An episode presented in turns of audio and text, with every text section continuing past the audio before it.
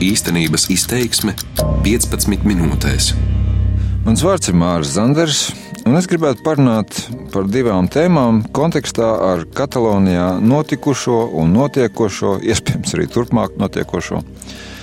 Pirmā tēma - kādēļ vairums Eiropas Savienības politisko līderu šajā situācijā izturējās tā, kā nu viņi izturējās. Un otrā tēma - vai vispār var formulēt kādu puslīdz racionālu modeli, kas ļautu nācijai īstenot tiesības, savas tiesības uz politisko pašnoteikšanos, pat ja tas nozīmētu teritoriālās izmaiņas. Par pirmo tēmu. Manuprāt, vispirms jānošķir tā saucamā separātisma projekti Eiropā un ārpus Eiropas. Piemēram, ja lasām, ka Nigērijā pēc gandrīz pusgadsimta ilga klusuma aktivizējušies neatkarīgās Biafras valsts idejas piekritēji. Turklāt jāpiezīmē, ka šāda valsts tiešām ir pastāvējusi kādu laiku. Nu, lai kā arī būtu, tad domāju, ka tāpēc, atvainojos par cinismu, neviens Briselē vai Berlīnē naktsmieru nezaudē, kas tur tajā Nigērijā notiek. Cita lieta - Eiropa, un Katalonija ir Eiropā. Domāju, ka Eiropas elites noraidošās attieksmes pret Katalonijas kā valsts ideju, pamatā ir divi apsvērumi. No Katalonijas neatkarības piekritēja viedokļa droši vien visaizvainojošākais ir ļoti piezemēts, varētu pat teikt, prasts iemesls. Neviens negrib papildus problēmas. Mums, ziniet, ir Brexit, Kremlis, terorisms, simts gadu vēl vajag kaut kāds galvasāps, pat ja tās ir nu, salīdzinoši vieglāks. Otrs apsvērums, manuprāt, ir saistīts ar Eiropas elišu vēsturisko traumu, ja gribat, fobiju, kas izpauž aizdomās, ka robežu pārskatīšana neizbēgami saistās ar tāda vai cita līmeņa vardarbību, bruņotiem konfliktiem un tā tālāk.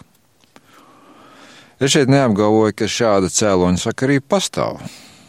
Par to mēs varētu teikt, pastrīdēties no vēstures viedokļa.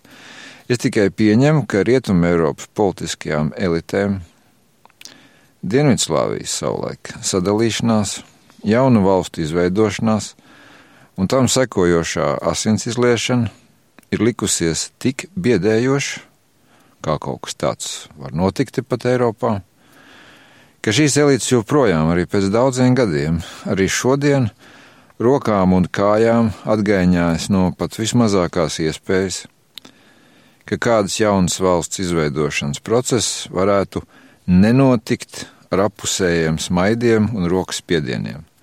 Un, ja kaut kas nenotiek ar smaidiem un rokas spiedieniem, tad šīs elites ieskatā problēmas ir garantētas. Turklāt uz desmit gadiem skatu situāciju Kipras salā starp tā saucamo Ziemeļkipras valsti, ko gan kā valsts atzīst tikai Turcija, un Kipras valsti.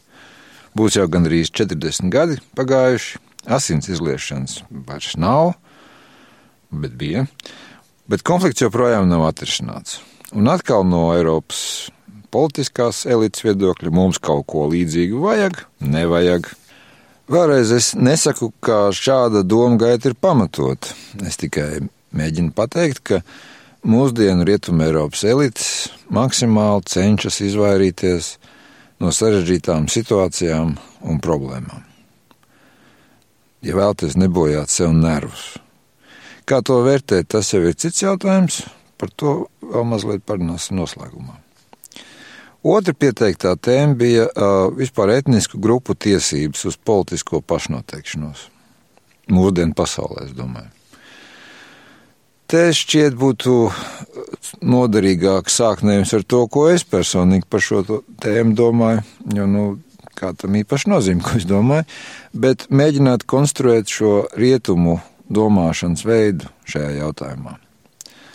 Un, manuprāt, šis domāšanas veids saka apmēram tā ka jaunu valstu izveide 21. gadsimtā ir pieļaujama tad, ja ir divi varianti. Pirmais - iesaistītās puses nu nekāda nespēja sadzīvot, burtiskā nozīmē galina vienu otru nost. Un otrs variants, otrs nosacījums, ja šī jaunā valsts veidojas tādā, atvainojiet, purvā, ka neviens tā īsti pretī nerunā, ka nav kas iebilst. Es tūlīt minēšu arī piemēru šiem abiem variantiem, bet pirms tam, lai pabeigtu domu, ja kāda no šiem diviem nosacījumiem nav, tad pēc rietumu izpratnes par lietu kārtību šai etniskai grupai, kas vēlas savu valstiskumu, ir jāsēž pie sarunu galda un jārunā par lielāku autonomiju, bet ne par neatkarīgu valsti. Proti, šī loģika saka, nu, tad runājiet nezinu, par plašāku savas valodas lietošanu, šīs valodas lietošanu skolās, kaut kādiem ekonomiskiem labumiem, bet, bet ne par neatkarīgu valsti. Tad šie piemēri par šiem diviem variantiem. Piemērs pirmajam variantam - pasaulē jaunākā valsts Dienvidu Sudāna, kas tiešām izveidojās samērā nesen. Ja ziemeļos Sudānas ziemeļos dominējošie arābu musulmaņi. Nebūtu reāli gadiem ilgi karojuši, turklāt, kā sacīt, nu, pamatīgi karojuši ar dienvidos dominējošiem melnādainiem kristiešiem un arī animistiem, domāju, ka Sudānas faktiski sadalīšanās starptautiski netiktu akceptēta. Būtu aicinājumi veikt pilnvaru, resursu pārdali starp ziemeļiem un dienvidiem, autonomiju, bet viens valsts ietvaros. Savukārt, ja rietumu masu mediju patērētājs, atvainojos par cinismu, ierauga, ka domstarpības ir reāla savstarpēja slaktēšana, un viņš to redz savā televizorā vai nu, kur mūsdienās vietā runī, tad beigu beigās ir, nu, ja jūs tiešām tik ļoti nevarat sadzīvot, nu, lai būtu jauna valsts, atdalieties. Piemērs otrajam nosacījumam, otrajam variantam saistās ar no Sudānas turpat reāli, relatīvi netālo Somalilandu vai Somalilendu, kā nu, kurš izrunā, kas uh, faktiski ir neatkarīga valsts, tā ir atdalījusies, turklāt ar zinām pat diplomātiskā attiecība aizmetņiem, lai gan formāli, ja jūs pastīsties kaut kādos izziņu materiālos, formāli ir viena valsts Somālija. Uh, un man atkal, diemžēl, jābūt ciniskam, ka, lai gan Somalilandas vēsturiskais konteksts uh, patiešām ir atšķirīgs no Somālijas citu daļu konteksta, respektīvi, ir iemesls bijis šai teritorijai atdalīties.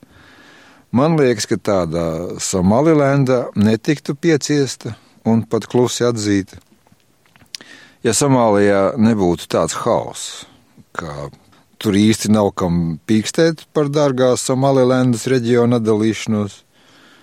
Un B, ja vispār ir grūti runāt par pilnvērtīgu valsti Somālijas gadījumā, no kuras kāds atdalās, un tad ir kaut kā dīvaini vispār bļaut par atdalīšanos no nekā.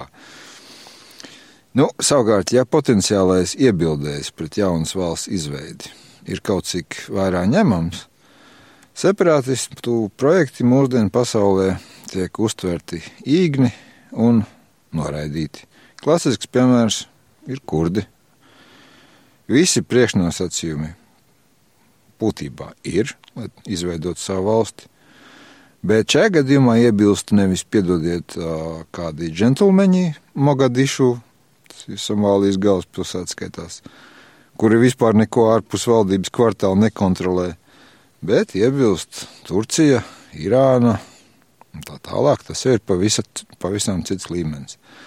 Atklāti sakot, līdzīgs ap citu ir bijis ar tamiliem, kur šajā gadījumā, protams, lai mums varbūt liekas, ka Šrilanka ir neliela valsts, bet, protams, tas vienalga, tas ir kaut kāds spēlētājs, un ja Šrilanka iebilda pret tamilu separatistiem, pret atsevišķu valsts, tamilu valsts izveidas Šrilankas ziemeļos, tad, protams, nu, visa pasaule arī teica labi, labi, nevajag tā.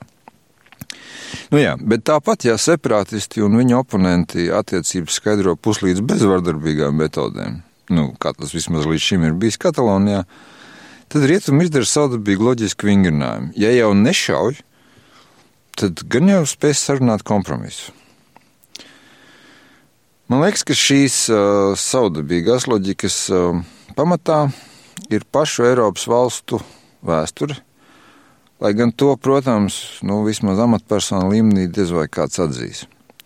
Proti, kaut kur kolektīvās atmiņas neskaidrajos slāņos Eiropas elitē ir tas nenoliedzamais, ka pašas Eiropas valstis, veidojušās gadsimtu gaitā, neteiksim kā ar baltiem cimdiem, bet redzat, tas bija sen, tajos nepareizajos laikos, kad ļaudis viegli ķērās pie ieročiem. Mūsdienās tā neklājas darīt, fuj. Neklājas jau arī, bet rezultātā ir tāda diezgan perversa piedošana situācija, kad intuitīvā līmenī Eiropieši atceras, ka uz paplātes valstiskums pienests netiek. Tas ir jāizcīna. Un tāpēc viņi šo izcīnīšanu pieņem ka, kā kaut kādu nosacījumu, lai kāda valsts izveidotos. Savukārt, ja oficiālajā apziņas līmenī tiek apgalvots, ka vai no paplātes un baltiem cimdiem vai nekā. Citiem vārdiem sakot, no katalāņu separātistiem tika, tiek un tiks paģērēts, lai viņi savu mērķi sasniedz tā, ka Madridei un pārējai Eiropai elitēm galva nesāp, lai gan klusībā visi saprot, ka tik gludi šādas lietas nekad nenotiek.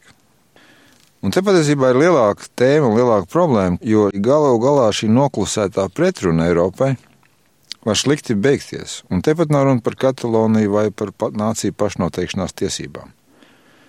Jo tātad no vienas puses ir šī mūsdienu Eiropas uzstājīga vēlme izvairīties no konfliktiem. Šī vēlme izriet no kontinenta un mūsu kontinenta vētrainās pagātnes, un to arī var saprast. Bet problēma ir tā, ka tie, kuri no konfliktiem savukārt nevairās, vienalga Putins, Trumps, Erdogans vai vēl kāds, Viņi zina, ka Eiropa viņus respektē, ka Eiropa nervozē tieši tāpēc, ka viņi ir gatavi konfliktam, bet Eiropa nav. Veidojas asimetrija, kurā Eiropa faktiski provocē spēka demonstrēšanu pret sevi rezultātā. Manuprāt, tas nu būtu kā tas ir. No manas puses, lai šāda situācija beigtos, Eiropas elitēm ir jāpieņem, ka jā, ir tādi jautājumi, to skaitā nācija pašnoteikšanās, kas a priori nav atrisināmi iesaistītajām pusēm, draudzīgi saskandinot glāzes, nofotografējoties, ka ir tādi jautājumi, kuru atrisinājums kādu no pusēm nepārprotami neapmierinās, ka nebūs tāds perfekts rezultāts.